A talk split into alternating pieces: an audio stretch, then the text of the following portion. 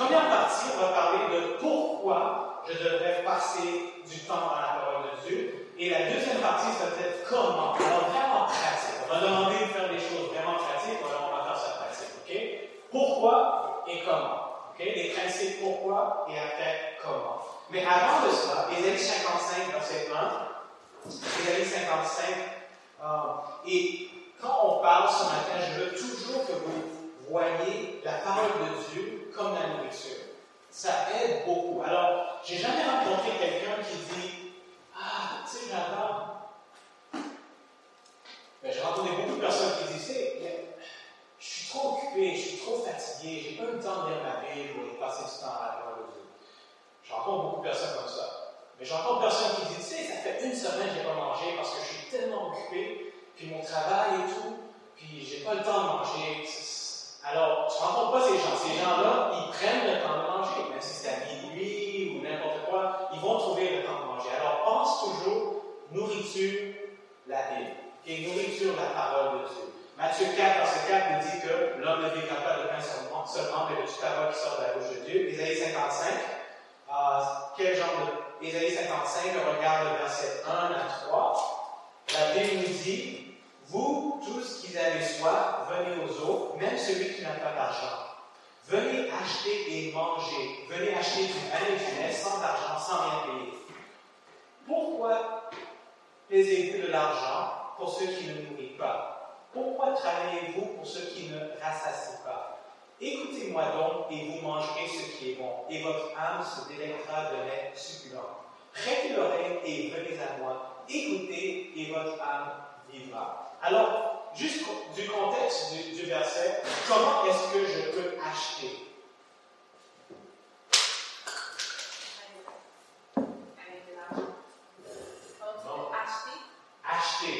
Alors, c'est pas trop évident. ok Alors, il dit venez acheter sans argent. Et vous pouvez boire sans argent. Parce que vous dépensez votre argent pour des choses qui ne vont pas satisfaire. Il y a quelque chose qui va satisfaire. ok Et la manière dont vous vous recevez ça, c'est dans le verset 3. Prêtez, même verset 2. Donc, et quoi? Vous, quoi? Mangerez ce qui est bon. Verset 3. Prêtez l'oreille et venez à moi. Écoutez, et qu'est-ce qui va arriver? Et votre âme, quoi? Vivra. Alors, la manière dont je peux acheter, c'est en quoi? Écoutant. Alors, je peux venir avec un esprit disposé à faire la volonté, c'est comme ça que je peux acheter la parole de Dieu. Alors, on va commencer à pourquoi. Pourquoi passer du temps dans la parole de Dieu? J'ai quatre principes. On va aller vite sur les principes. Et euh, je pense que c'est très important de comprendre les quatre principes. Et ça, je partage, c'est juste les principes que moi j'ai trouvés dans ma vie personnelle. Alors, je ne vous explique pas. Je suis sûr que vous pouvez aller trouver toutes sortes d'autres principes mais c'est des principes de base qui a transformé ma vie. Principe numéro 1, ça se trouve dans Jean 5, verset 39. Jean 5, verset 39. Et ça, c'est Jésus qui parle aux pharisiens. Jean 5, verset 39, la Bible nous dit Vous sondez les Écritures parce que vous pensez avoir en elles la vie éternelle. Ce sont elles, ou les Écritures, qui rendent témoignage de moi. Et vous ne voulez pas venir à moi Alors, principe numéro un, pourquoi j'étudie la Bible ou je passe du temps dans la parole de Dieu, c'est pas pour devenir plus, d'avoir plus de connaissances que toi ou être plus spirituel que toi. Raison numéro un, c'est pour connaître Dieu. Pourquoi? Parce que c'est les Écritures qui nous donne une révélation claire du caractère de Dieu. Alors la raison pourquoi je veux passer du temps dans la parole de Dieu, c'est pour, premièrement, connaître Dieu. Premièrement, pour découvrir une révélation du caractère de Dieu. 2 Corinthiens chapitre 3, verset 18. 2 Corinthiens 3, verset 18. La Bible nous dit, nous tous, qui le visage découvert, contemplons comme dans un miroir la gloire du Seigneur, nous sommes transformés en la même image de gloire en gloire. En gloire, comme par le Seigneur, comme par le Seigneur l'Esprit. Alors, en contemplant le caractère de Dieu dans la parole de Dieu, nous sommes quoi? Transformés. Et transformés de gloire en gloire. Dans le 1 Corinthiens 10, verset 31, ça nous dit Soit donc que vous mangiez, soit que vous buviez, faites tous pourquoi La gloire de Dieu. OK. Alors, on, récapitule. Premièrement, la première raison pourquoi on veut passer du temps dans la parole de Dieu, c'est pour connaître Dieu. C'est pas juste parce que je vais lire la Bible, je peux mettre ma coche, j'ai fait mon devoir chrétien, là je me sens bien. Non, c'est pas pour cela. La première raison, c'est je veux connaître Dieu. Je veux, et quand je lis la Bible, je veux découvrir le caractère de Dieu. Pourquoi? Parce que le plus que je contemple le caractère de Dieu, le plus que je suis transformé à l'image de Dieu. Et quand je suis transformé à l'image de Dieu, tout ce que je vais faire va glorifier Dieu. Alors, numéro un, que ce soit les sons, que ce soit les promesses, que ce soit l'histoire, une histoire que je lis, les prophéties, j'essaye de regarder c'est quoi les pensées c'est quoi les émotions de Dieu? Essayez de comprendre ça. Et là, quand je vois la beauté du caractère de Dieu, ma vie est transformée. Et là, je peux glorifier Dieu, qui est ce que Dieu demande de faire. Numéro 2. Pourquoi est-ce que je passe du temps dans la parole de Dieu? 2 Timothée 2, verset 15. 2 Timothée 2, verset 15. On va faire ça vite parce qu'on a quelques autres principes 2 Timothée 2, le verset 15. La Bible nous dit Efforce-toi de te présenter devant Dieu comme un homme éprouvé, un ouvrier qui n'a point à rougir, qui dispense droitement la parole de la vérité. Alors, premièrement, c'est pourquoi on, on passe par la parole de Dieu? C'est pourquoi Connaître Dieu. Le plus qu'on passe dans le temps dans la parole de Dieu, euh, qu'est-ce qui nous arrive? Transformer. Transformer. Transformer, c'est une bonne chose ou une mauvaise chose? Transformer pour faire quoi? Pour glorifier Dieu. OK? Deuxième raison pourquoi on veut passer du temps, c'est pour partager. OK? Partager. Parce que ici, ça nous dit dans le verset 15, un ouvrier qui n'a pas à rougir, qui dispense droitement la parole de la vérité. on va à l'école, on va à l'école, et quand on va à l'école, le professeur a d'habitude des examens.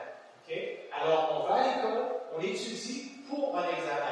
Il y a, un, purpose, un but. OK? Il y en a qui n'ont pas vraiment des, ne peuvent pas voir très loin. Alors pour eux, c'est juste, si je peux juste étudier puis passer l'examen, je être correct. Mais vraiment, le but d'examen, c'est pour connaître la matière, pour que un jour tu vas un travail. Tu comprends ce que je veux dire? Parce que si tu es un médecin, tu as juste passé, juste pour passer, puis là, tu viens faire une opération avec ce médecin-là, est-ce que tu aimerais avoir un médecin qui a juste cramé toute la dernière minute, puis là, il a passé l'examen, puis il ne se rappelle pas où couper? Ou est-ce que tu aimerais avoir un médecin qui a appris pour ce que je veux dire? Alors, c'est un peu, on étudie. Et je te dis une chose. C'est différent de lire la Bible, passer du temps dans la parole de Dieu, juste pour nous, ça c'est vrai, pour voir le caractère de Dieu. Il y a une différence dans la mentalité quand on lit pour partager. Okay? Quand je dis partager, peut-être vous allez dire, ben, je ne vais pas tenir devant pour faire un sermon. Je vous dis une chose. Si vous étudiez la parole de Dieu, et après on prie, donne-moi une opportunité de partager, Dieu va vous et quand je dis porte, je dis pas qu'il faut être devant. Souvent, c'est comme ma mère m'a appelé. Puis là, on va parler avec maman. Puis là, c'est comme quelque chose qu'elle dit ou quelque chose qu'elle a passé à travers. Puis là, je me rappelle quelque chose que j'ai lu ce matin-là, ou peut-être euh, lundi passé. Je ne vais pas partager les 52 points que, que j'ai pu observer, non. C'est juste un point, peut-être un moment. Tu sais, qu'est-ce qui est arrivé? Puis là, je commence à vous partager qu'est-ce que Dieu m'a partagé à moi. Puis ça, c'est comme ça que tu peux partager. Tu peux partager avec des gens, tu peux partager avec des amis. Ça alors, ça ne peut pas nécessairement être, ça n'a pas nécessairement, ça n'a pas besoin d'être nécessairement devant comme un sermon. On peut partager d'une manière ou d'une autre pour s'encourager les autres. Alors, raison numéro un, deux, c'est pour partager. Et une fois qu'on étudie la parole de Dieu, il faut prier et dire Seigneur, donne-moi l'opportunité de partager, que ce soit pour la famille, téléphone, etc. Numéro 3.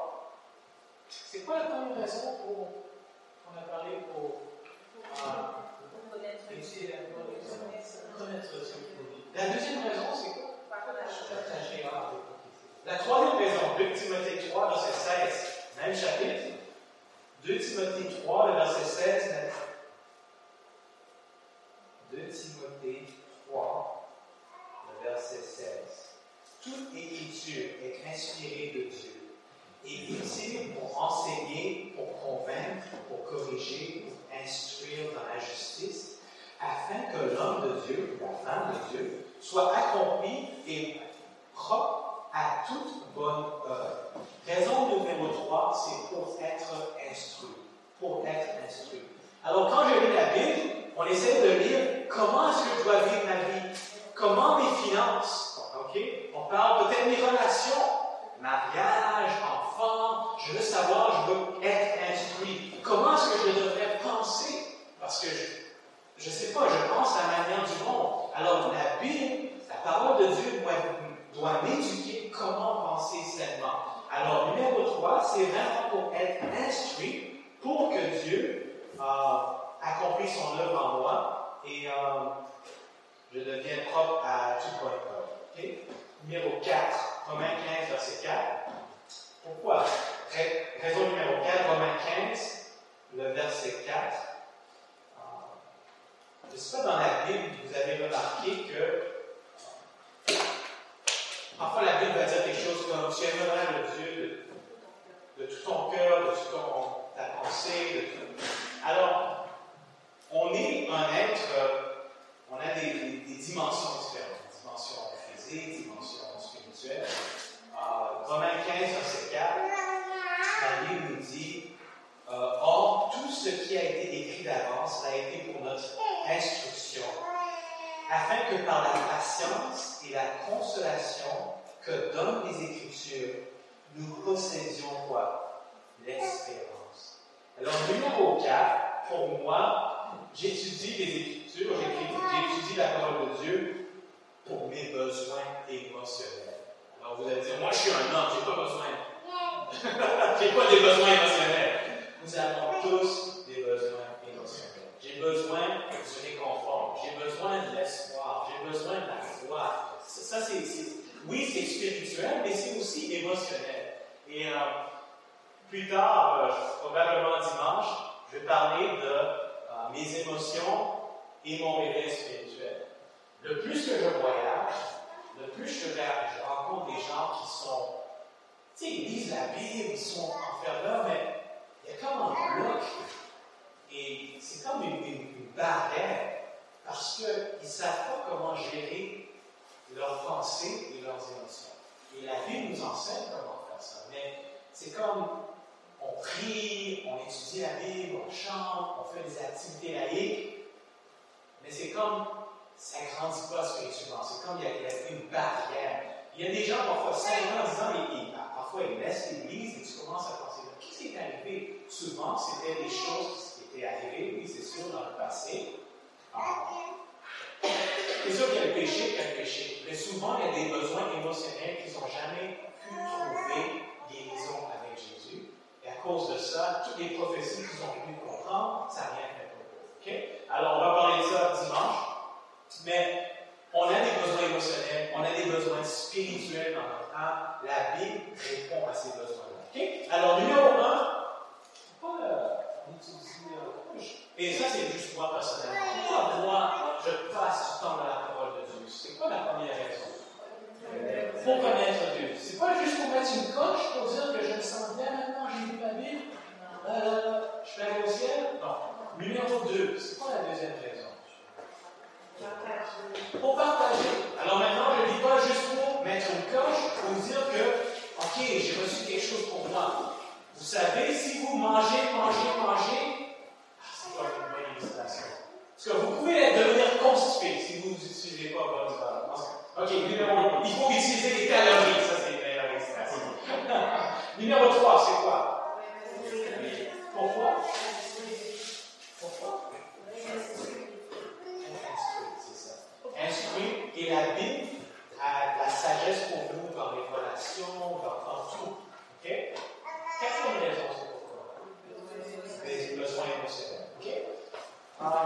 Maintenant, on a parlé de pourquoi. Maintenant, il faut parler de comment. Alors, plusieurs personnes, ils ouvrent leur Bible et là, ils ne savent pas quoi faire. Ils ne savent pas comment, où commencer. Alors, ils commencent à lire un petit peu. C'est un peu plat. Parfois, tu peux comprendre quelque chose. Parfois, tu ne comprends pas. Comment passer à travers ça? Alors, trois principes, même Premièrement, il y a des gens qui me disent, Jonathan, j'ai vraiment pas le temps. J'ai pas le temps. J'ai pas du temps pour. Euh, j'arrive le soir, finalement, quand tout est fini, je suis tellement fatigué, j'essaie de lire un petit peu, je lis une petite promesse, je prie.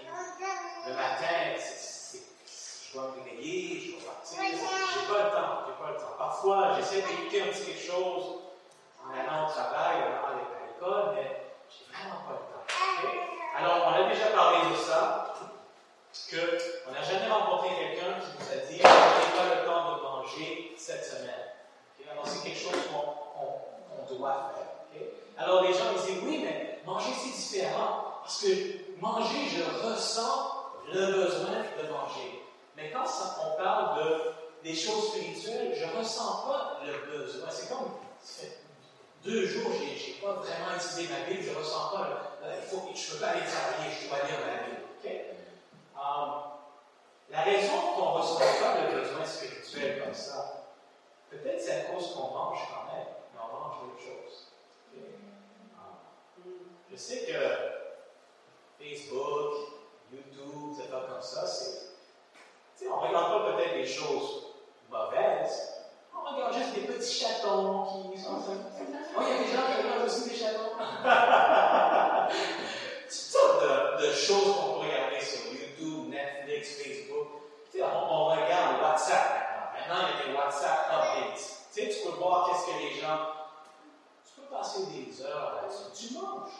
Tu manges. Même si tu réalises pas que tu manges, tu manges quand même. Mais est-ce que tu manges la parole? Alors souvent, on mange on est rempli de quelque chose, mais c'est des choses qui ne satisfait pas. Alors, euh, il faut prendre le temps. Euh, il y a d'autres personnes qui me disent, tu sais, je suis tellement fatigué. Est-ce que je peux vous, je peux partager un, secret très intime avec vous? Vous n'allez pas partager ça avec une personne Oh, il y a une caméra. Il y a une caméra? Je l'ai compris. Non, c'est très, très intime. Ce secret, c'est très secret. Ça pas de secret. Si vous avez un problème pour vous lever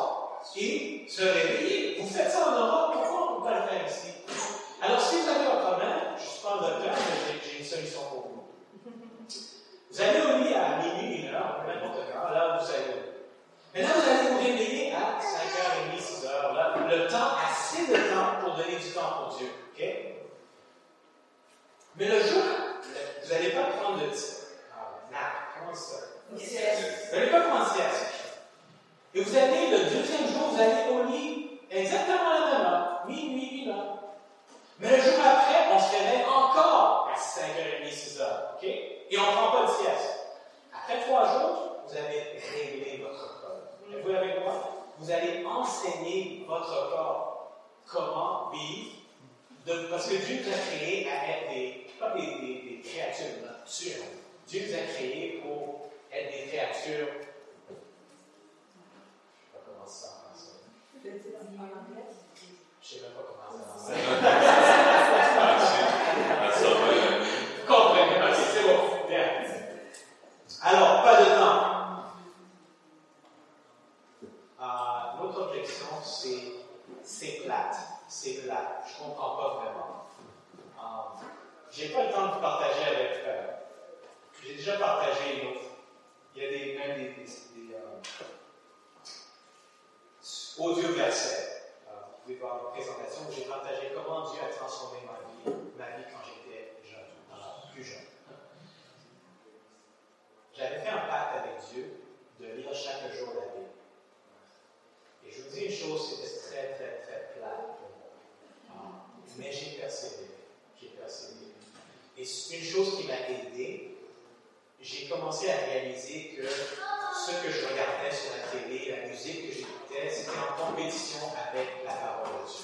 Alors j'ai commencé à éteindre les nouvelles, des choses comme ça. Je ne sais pas si c'est péché de regarder les nouvelles.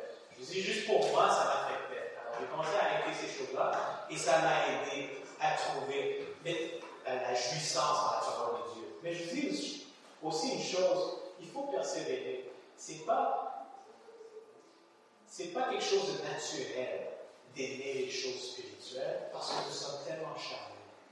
Mais la promesse de Dieu, c'est qu'il va nous transformer.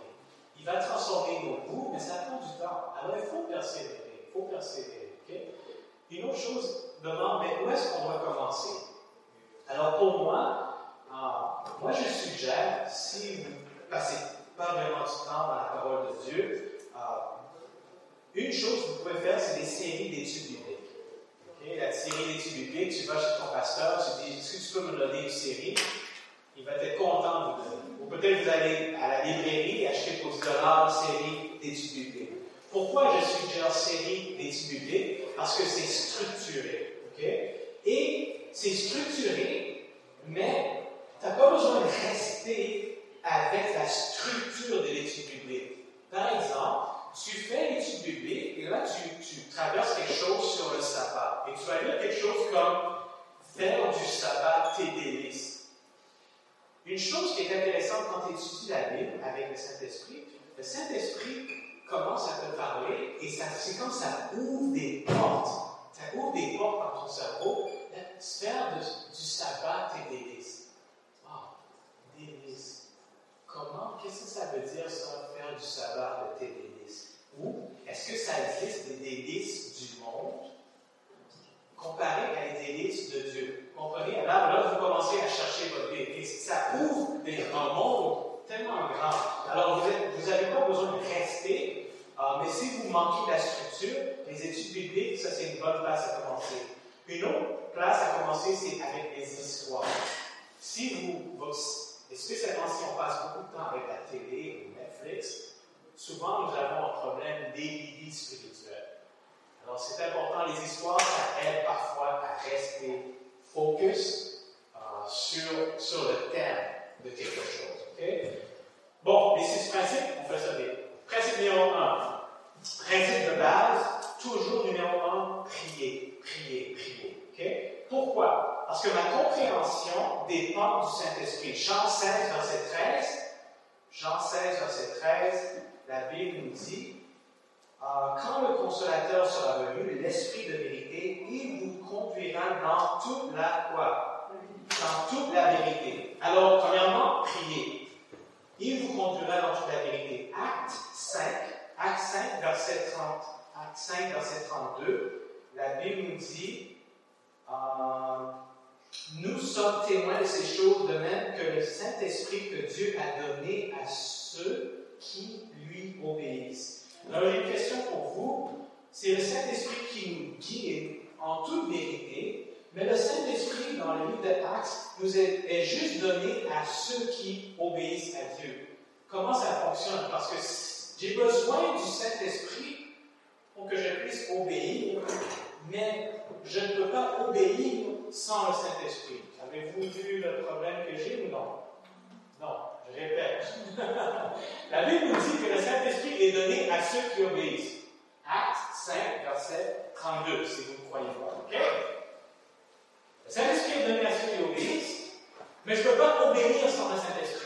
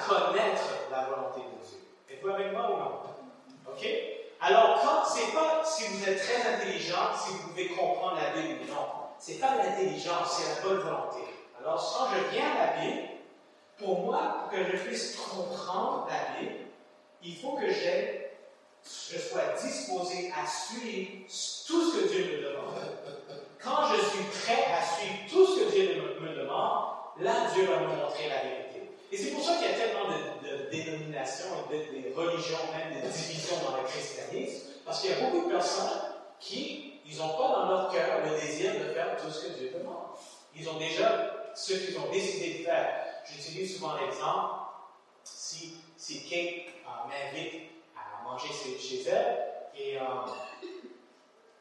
elle me demande euh, qu'est-ce que tu veux manger? Moi, je dis j'aime vraiment les patates et les veggie burgers, on va dire. Puis là, je vais chez elle le jour après, puis je trouve du spaghetti et des dîners. OK? Je vais manger, on est correct, je suis content. Mais là, non, je me demande pourquoi elle m'a demandé qu'est-ce que j'aime.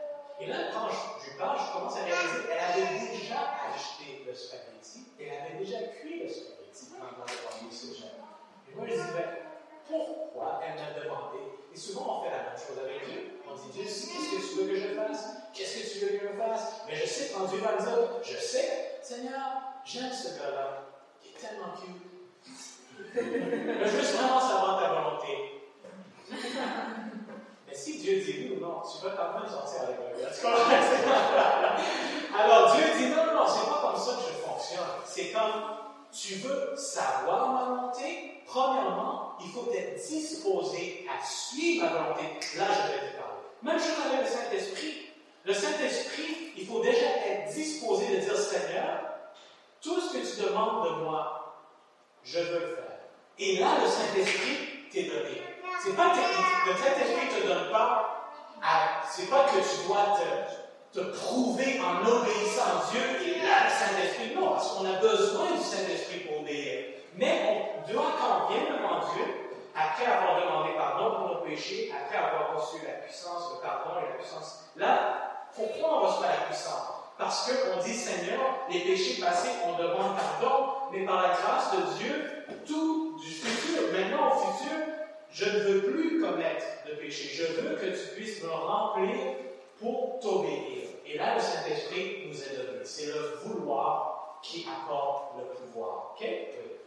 Mais qu'est-ce qu'on répond au verset qui dit que c'est Dieu qui produit le vouloir et le faire en nous? Oui, ça c'est une bonne question.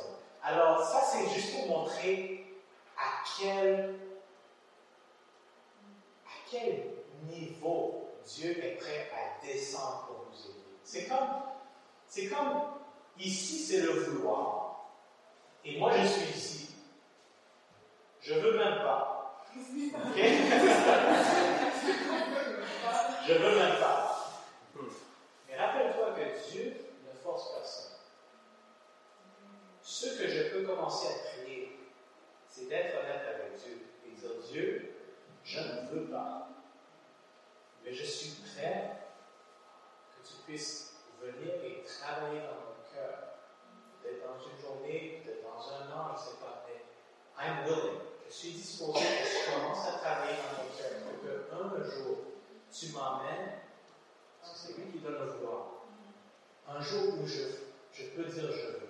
Tu comprends? Mais si tu es là et dis non, non, je veux même pas que tu veux, je veux même pas que tu viennes me donner le vouloir. Là, Dieu dit, je ne vais pas te forcer. OK? Tu, je peux pas, je peux pas. Tu dois donner accès quelque part. Mais c'est juste pour montrer où souvent on dit, je ne veux pas, alors il n'y a pas, je ne veux pas, alors il n'y a pas d'espoir pour moi. Et Dieu dit, non, même si tu ne veux pas, même si tu trouves c'est plat et la vie, il y a quand même l'espoir. OK? L'espoir, c'est, viens à moi, parle-moi, sois honnête avec moi. C'est moi qui te donne non seulement la puissance, mais je te donne le vouloir. Mais il faut avoir le vouloir pour être, le vouloir pour le vouloir. Ça se fait, ça se dit, non? Peut, on peut dire qu'on va avoir une certaine ouverture. Voilà. Puis après ça, C'est ça, c'est ça. Mais l'ouverture, c'est une sorte de vouloir aussi, non? Ouais, ok. Numéro un. Alors, qu'est-ce qu'on prie? On prie pour le Saint-Esprit. Avant même d'ouvrir la Bible. Et c'est sûr que parfois, même quand je fais le culte à la maison, chaque fois que j'ouvre la Bible, je prie. Je sais que mes enfants, parfois, ils demandent pourquoi, on va juste faire une petite promesse, on va juste ouvrir, là, on prie tout le temps. Pourquoi? Parce que je comprends que, je leur explique que c'est l'Esprit Saint qui nous guide en toutes choses. Alors, même avant d'ouvrir la parole de Dieu, on prie. Et même peut-être tu n'as pas l'opportunité de prier vite fait, mais prie dans ta tête. Si peut-être tu es, devant quelqu'un, prie dans ta tête. Pourquoi? Prie parce que le Saint-Esprit, c'est le Saint-Esprit qui nous guide en toutes choses. Prie aussi pour avoir une ouverture ou être disposé à faire la volonté de Dieu. Il faut prier pour ça. Parce que si je ne prie pas pour ça, je peux venir devant la parole de Dieu avec un cœur dur, un cœur avec amertume. Et là, Dieu va essayer de me parler, peut-être qu'il va me parler, je ne sais pas. Et, et souvent, j'ai réalisé que les gens qui viennent la parole de Dieu sans avoir un esprit disposé, ils sortent avec toutes sortes de théories et théologies. Je donner un exemple. Je connais quelqu'un ah, qui, sa femme est partie et, euh, et lui, il a il pas d'adjutaire.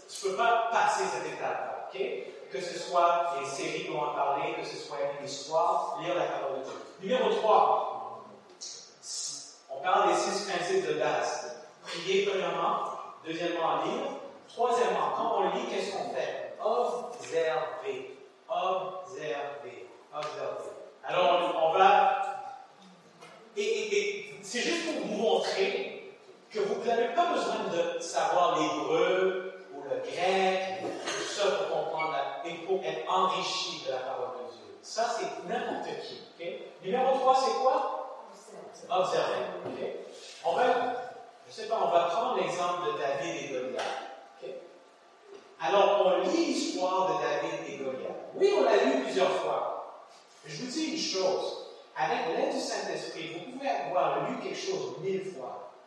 Mais la mille et une fois, Dieu va toujours vous donner quelque chose. Pourquoi? Parce que votre situation change. Vos pensées changent. Vous êtes plus mature. Toutes sortes de choses vous arrivent et là, vous voyez les choses différemment. Alors, David et Goliath, vous lisez l'histoire. Qu'est-ce qu'on va observer?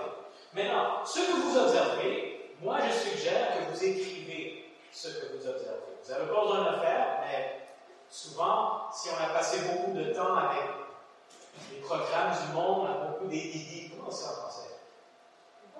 ADD, Attention Deficit Disorder. Il n'y a, pas- il y a pas de TDAH. Trouble d'attention, c'est ça.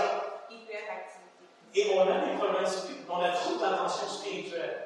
Alors, quand on écrit, ça aide. Alors, qu'est-ce qu'on va écrire? On va écrire nos observations. Quelle observation qu'on peut écrire? Par exemple, on n'a pas besoin d'être grand ni fort pour vaincre le mal. Ah, Jonathan, ça c'est tellement simple. Écoute, écris-le. Écris-le. Pourquoi? Souvent, c'est la combinaison des observations évidentes qui emmènent aux vérités plus profondes. Êtes-vous avec moi? Vous ne comprenez pas? Alors, j'observe quelque chose qui est tellement évident, et quelque chose d'autre qui est tellement évident, puis quelque chose d'autre qui est tellement évident. Mais quand je mets, c'est l'Esprit Saint qui met ces trois, quatre choses évidentes ensemble, c'est ça souvent que l'Esprit Saint utilise pour, dans le monde du boxing, that gives you an uppercut. C'est genre, c'est comme ça, ça te frappe. OK? Parce que souvent, on regarde, on, essaie de trouver quelque chose de wow! OK? Mais souvent, l'Esprit Saint, Dieu n'était pas dans le feu, n'était pas dans le tonnerre, n'était pas dans le, le- le tremblement de terre. Dieu était dans la quoi? La petite voix. Alors, quelque chose qui est tellement évident, on n'a pas besoin d'être grand ni fort pour vaincre le mal. On écrit. OK? Quelque chose d'autre qui est tellement évident. Euh, OK. David a tué le lion avant de tuer Goliath. Alors, les petits mal de la vie, ce sont comme quelque chose qui nous prépare pour les plus grands géants. Est-ce que je suis en train de passer à travers des petits stress? J'ai perdu mes clés. Comment est-ce que tu réagis quand tu perds tes clés ou ton téléphone? Est-ce que tu perds ou est-ce que non, non, je suis capable de donner cette situation à Dieu, avoir confiance que Dieu m'a aidé à trouver mes clés et la prochaine fois, je vais attacher quelque chose électronique, comme ça, je suis capable. Comprenez? Alors, comment est-ce que je passe à travers des petits trials? Les petites épreuves, ça m'aide pour les plus grandes épreuves. Une autre chose quand on observe, c'est très important de comprendre qu'il y a une différence entre interprétation et application. C'est quoi ce que je veux dire? Hein? Et application. Il y a une différence. Et souvent, les gens ne comprennent pas. La Bible, quand on lit la Bible, souvent il y a juste une interprétation. interprétation. Mais on peut avoir plusieurs applications. Le problème souvent, c'est que les gens, ils essayent d'avoir beaucoup d'interprétations. Parfois. Beaucoup d'interprétations. Dans la Bible, il y a très peu de choses qui a plus qu'une interprétation. Par exemple, David avait une fronde et une roche. c'était une roche. Quelqu'un peut dire non, c'était pas une roche, c'était comme euh, quelque chose de spirituel, c'était comme la parole de Dieu qui, qui allait dans. C'est des roches. C'était une roche, c'était une tronc. Une roche, une tronc, fini. Là, tu peux faire ton application, oui, qu'est-ce que la roche pourrait représenter, ok, comme, comme frapper les géants, comment? Là, tu peux faire tes applications. Mais si ton interprétation est mauvaise, ton application, là, ça va être en masse. Comprenez? Alors, quand la Bible dit c'est une roche, c'est une roche. Juste deux choses, par exemple, où vous donner un exemple où la Bible va avoir double. Quand la Bible parle de l'épouse de Dieu, parfois ça va référer à la Nouvelle Jérusalem, parfois ça va référer à l'Église. OK? Ça, c'est juste un exemple où il y a double. Mais l'habitude, c'est juste une. OK? C'est important. Parce que si l'interprétation n'est pas claire, l'application va être crazy. Okay? Même avec l'exemple que tu viens de donner, c'est l'Église qui va la nouvelle Oui, mais, mais vraiment quand la Ouais. On va pas. Numéro 4, comparer. Numéro 4, comparer. Comparer. Alors, encore l'exemple de David et Goliath. Je ne sais pas si vous vous rappelez quand David allait vers Goliath avec sa fronde, il a crié quelque chose. Il a dit Toi, tu viens avec moi avec épée et tout et tout, mais moi, je viens avec toi, contre toi, au nom de quoi?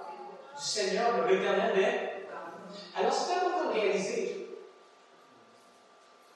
Pour David, son âme, oui, il avait une fronde, mais l'âme de David n'était pas vraiment la fronde. Pour lui, l'âme de David, c'était le nom de l'Éternel. OK? Alors, qu'est-ce qu'on va comparer? On dit, wow, même s'il avait une fronde, David n'avait pas confiance en sa fronde. Il David avait confiance au nom de l'Éternel. OK? Alors, on va aller dans d'autres places dans la Bible pour dire qu'est-ce qui est si puissant dans le nom du Seigneur, au nom de l'Éternel? Parce que moi aussi, j'ai des géants à faire face. Comparé avec d'autres versets dans la Bible. Numéro 5, méditer. Quand je dis méditer, ça c'est la partie, je pense, la plus importante. Et c'est la partie la plus négligée de toute étude de la parole de Dieu. Vous pouvez connaître le grec et l'hébreu et tout, interpréter et diviser, couper le texte et tout. La méditation, peu de nous nous prenons le temps parce qu'on est tellement occupé. Mais c'est la méditation, c'est comme quand on mange. Méditation, ça équivaut quand la nourriture devient partie de nous. Si on ne médite pas, c'est comme ça rentre puis ça sort. OK? Et souvent, plusieurs d'entre nous, c'est ça qu'on fait. Et on, c'est la maldigestion, euh, mal, indigestion pour malnutrition. Malnutrition. Malnutrition. OK? Quand je parle de méditation, je ne parle pas de yoga. Okay? Je ne parle pas de. On ne veut jamais, on veut jamais empty. Vider notre cerveau. Je rappelle l'histoire où il y a quelqu'un a vidé son cerveau, il y a sept démons qui est revenu, dit Waouh, le cerveau est tout propre Sept démons. ok? Alors, on veut toujours méditer sur quelque chose. et On veut être toujours rempli du Saint-Esprit, pas vide de tout. Alors, méditer, c'est un peu mélange de prière et de temps de silence. Vous vous rappelez le verset qui nous dit c'est dans le calme et la confiance que quoi? C'est dans le calme et la confiance que sera votre force. Vous rappelez ça? Les amis, j'ai C'est dans le calme et la confiance que sera votre force. Pourquoi méditer? Quand tu médites, ça donne opportunité à Dieu quelque part. Je viens de lire de David, Goliath. Oui, mais David et Goliath, ça fait 2, 3, 4 000 ans que c'est arrivé. Qu'est-ce qui se passe pour moi aujourd'hui? Quand je médite sur la parole de Dieu et en même temps je pense à mes faiblesses, à mes victoires, là c'est comme le Saint-Esprit a le temps de prendre ça et juste c'est comme c'est comme s'il prend ça et il prend. C'est pas fort, c'est juste doucement. Mais c'est comme ça laisse une impression. Ça devient, c'est comme la parole de Dieu devient personnelle. Si vous n'avez jamais pris le temps de méditer, je vous encourage. Vous n'avez pas besoin de prendre 30 minutes. Commencez avec 5 minutes. Alors, vous avez vu là, votre Bible, du temps juste pour parler à Dieu à propos de ce que vous avez lu. Ça, ça va, vous pouvez grandir spirituellement. C'est ça qui vous donne le plus de. J'appelle ça pratiquer la présence de Dieu, où le Saint-Esprit applique les vérités dans votre cœur. Numéro 6, 2 Timothée 2, verset 15. Dernier principe, partager. On a déjà parlé, on a déjà parlé de ça. La Bible nous dit dans Acte 20, verset 35, il y a plus de bonheur à donner qu'à recevoir. Le plus qu'on partage, le plus que Dieu nous donne. Le plus qu'on partage, le plus que Dieu nous donne. Et le plus que, que Dieu nous donne, le plus qu'on partage, et le plus de bonheur qu'on a. OK. Alors, on a parlé de pourquoi. Maintenant, on, a, maintenant, on parle de comment. Premier principe de comment utiliser, c'est quoi? Prier. OK? On prie pour au moins deux choses. C'est quoi? Saint-Esprit et quoi d'autre? La, la volonté, très important. D'habitude, on n'est pas naturellement, on n'a pas le pouvoir. On va prier, après, qu'est-ce qu'on fait? On quoi? On lit. Numéro 3, qu'est-ce qu'on fait? On observe. Est-ce qu'on a besoin d'un bac, d'une maîtrise pour observer? Non, on observe. Qu'est-ce qu'on observe? Qu'est-ce qu'on observe? on regarde quelque chose de flashé, là, vraiment qui va sortir dans le fond, rien derrière. On n'a rien trouvé. Qu'est-ce Simplicité. On observe et on écrit. Même si c'est très, très évident. Pourquoi? Parce que évident, évident, plus évident, plus évident, égale profond. Oui, très évident.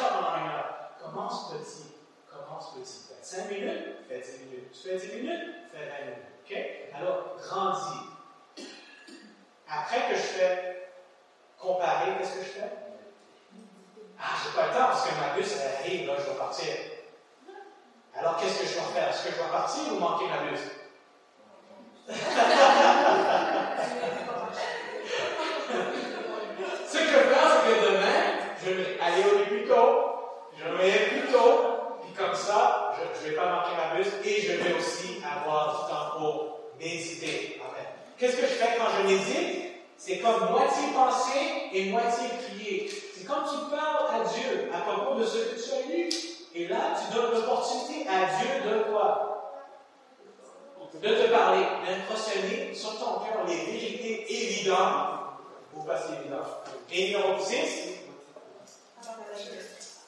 partagez, partagez. Quand Dieu vous montre quelque chose, partagez. On a déjà parlé de ça au début, mais quand on partage, premièrement, ça devient l'expérience de la Bible devient plus réelle pour vous. Une chose qui est importante de vous, que vous sachiez, c'est que euh, les paroles qu'on parle influencent d'autres personnes, nous influencent aussi. Je ne sais pas si vous savez ça. Alors, même dans l'esprit de prophétie, ça nous dit que si vous avez des doutes, donnez les doutes à Dieu. Ne verbalisez pas vos doutes. Parce que quand on verbalise nos doutes, c'est comme quand ça sort de nos lèvres, ça rentre dans notre oreille et ça nous ancre dans les doutes qu'on ne croyait pas vraiment. Alors, on peut, la parole est puissante, la parole de Dieu est encore plus puissante, mais même nos paroles sont puissantes. Alors, partager la parole de Dieu, c'est pour ça que ça aide à augmenter la foi dans les autres et augmenter aussi notre foi. Principe de base, vraiment simple. J'espère que ça a été pratique. Euh, on va partager d'autres choses plus tard, mais je voulais juste, on m'a demandé de faire ça pratique, on va essayer ça le plus facile possible. Question? Avant de prier? Oui. Quand tu as de méditer, moitié prier, moitié euh, euh, penser, euh, ce que je comprends, c'est ça que c'est. Euh, quand je moitié prier, moitié penser, c'est de penser à, en relation avec Dieu, puis méditer sur, et faire, faire une évaluation sur, en relation avec Dieu, dans ta parole. Est-ce qu'il y a ça dans le côté euh, moitié penser complètement C'est quoi penser Oui, c'est comme, c'est méditer. C'est comme on finit la discussion maintenant. Là, le, le, le, le plancher est ouvert, ceci. Le floor. The floor is open. Okay. Um, le what's it? Comment ça? La discussion est ouverte. Ok. C'est comme. La discussion est ouverte. Ok. C'est. C'est pas le plancher qui est ouvert. Ah, ok, ok. Alors, ce qui est arrivé, c'est que on vient de faire une présentation. La présentation est finie, la question. C'est comme on, maintenant on a l'interaction. C'est un peu la même chose. On lit la Bible, Dieu nous parle. OK? Mais là, après, on a écrit observation. Et là, c'est un temps où c'est ouvert. Maintenant, et quand je dis, parfois, ce que j'arrive, je suis le temps de méditation, je vais même, je vais même être à genoux devant ma Bible. Alors, j'espère que vous, vous comprenez, c'est juste, je partage juste mon expérience. C'est pas, c'est pas une loi, c'est pas, il faut faire ça et tout. Ça, c'est juste ce qui m'a aidé spirituellement. Alors, peut-être vous, vous allez faire des choses différentes. ok? Alors, c'est pas, premièrement, c'est pas une loi. Mais ce que j'ai réalisé, c'est que la méditation, je ne sais pas comment vous allez le faire, mais moi, quand je suis à genoux devant la Bible, c'est comme je peux toujours, je prie là-dessus et je dis Seigneur, j'ai des géants, ou c'est quoi les géants dans ma vie? Et là, je- j'attends. Et je parle à Dieu, j'écoute de Dieu. Et là, je- j'ai- pourquoi j'ai la Bible devant moi? Parce que parfois, je retourne à lire quelque chose juste me ça veut dire ou je vais lire les notes que j'ai écrites. Pas tout le temps, parfois, j'ai pas le temps d'écrire les notes. Euh, Mais ça explique un peu comment méditer, je ne sais pas comment vous allez le faire, mais c'est un temps où tu dois laisser Dieu, le Saint-Esprit, prendre l'opportunité de te parler. Si Dieu n'a rien à te dire, il n'a rien à te dire, c'est juste. Dieu a toujours quelque chose à nous dire. Je dis ça pour, pour vous dire que si tu as un bon ami, parfois tu n'as pas besoin toujours de parler. Si c'est pas quelqu'un que tu es ami, tu es assis à côté, tu n'es pas très confortable. Mais si tu es un ami, comme ma femme, je suis assis à côté d'elle, je n'ai pas besoin de parler parfois. Juste le fait qu'elle est là, c'est comme un réconfort. Et parfois, c'est bon juste d'être dans la présence de Dieu et juste de jouir qu'il est là, qu'il m'écoute, qu'il m'aime, des pensées comme ça qui rentrent dans ma tête. Ça pas nécessairement avec ce que je viens de lire, euh, mais c'est sûr que tu médites sur ce que tu as lu et laisse Dieu l'ouverture à te guider. Parfois, Dieu va utiliser ça pour te parler de la personne que tu viens, ça fait mal, ou as dit quelque chose, ça va passer, tu wow. Mais Seigneur, ça n'a rien à voir avec ce que je voir, mais c'est- le temps que je peux parler, je vais te parler maintenant Ouais, mais justement, je pensais à ça en même temps, puis peut-être ça pourrait aider aussi les autres. Je pense que Dieu va nous parler, c'est sûr, il nous parle tout le temps. Des fois, ça va être pour augmenter nos connaissances, comme pour mieux apprendre à connaître. Mais aussi, ça va être pour des actions précises à d'autres moments. Fait quand Dieu nous parle, c'est pas tout le temps pour qu'on fasse quelque chose nécessairement, mais ça peut être juste pour qu'on ait une connexion avec lui aussi. Fait je pense que c'est ça. Dieu, c'est Dieu. It's, it's God's time. C'est le. C'est. Donne à Dieu un peu de temps.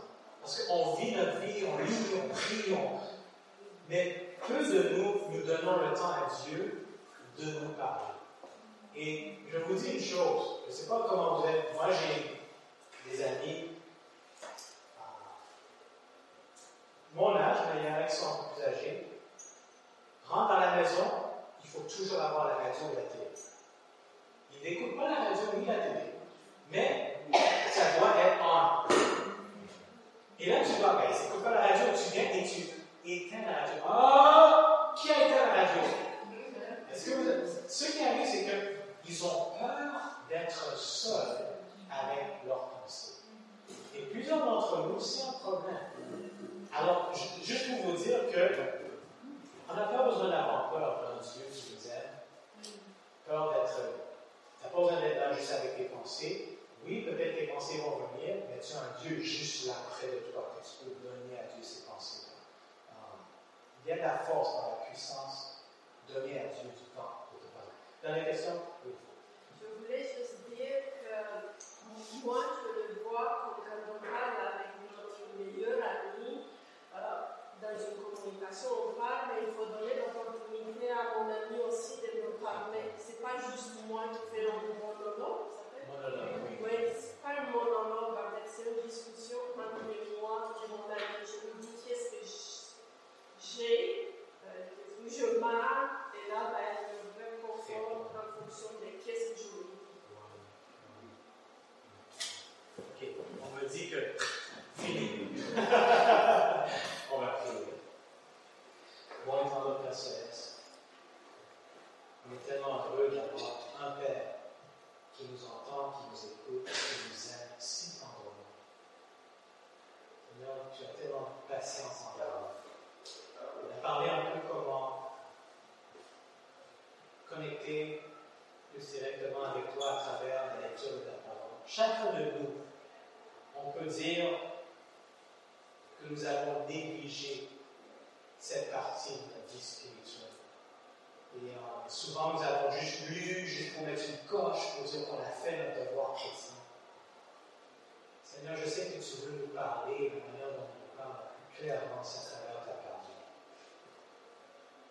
S'il y a quelqu'un qui a manqué quelque chose, c'est nous. On parle de nous, Seigneur. Nous, Seigneur, à créer le temps, à faire le temps, de passer dans ta parole, de te laisser nous parler à travers la prière, la méditation. Alors que, nous, alors que tu nous transformes, pour te glorifier, aide-nous à utiliser cette expérience et partager cette joie et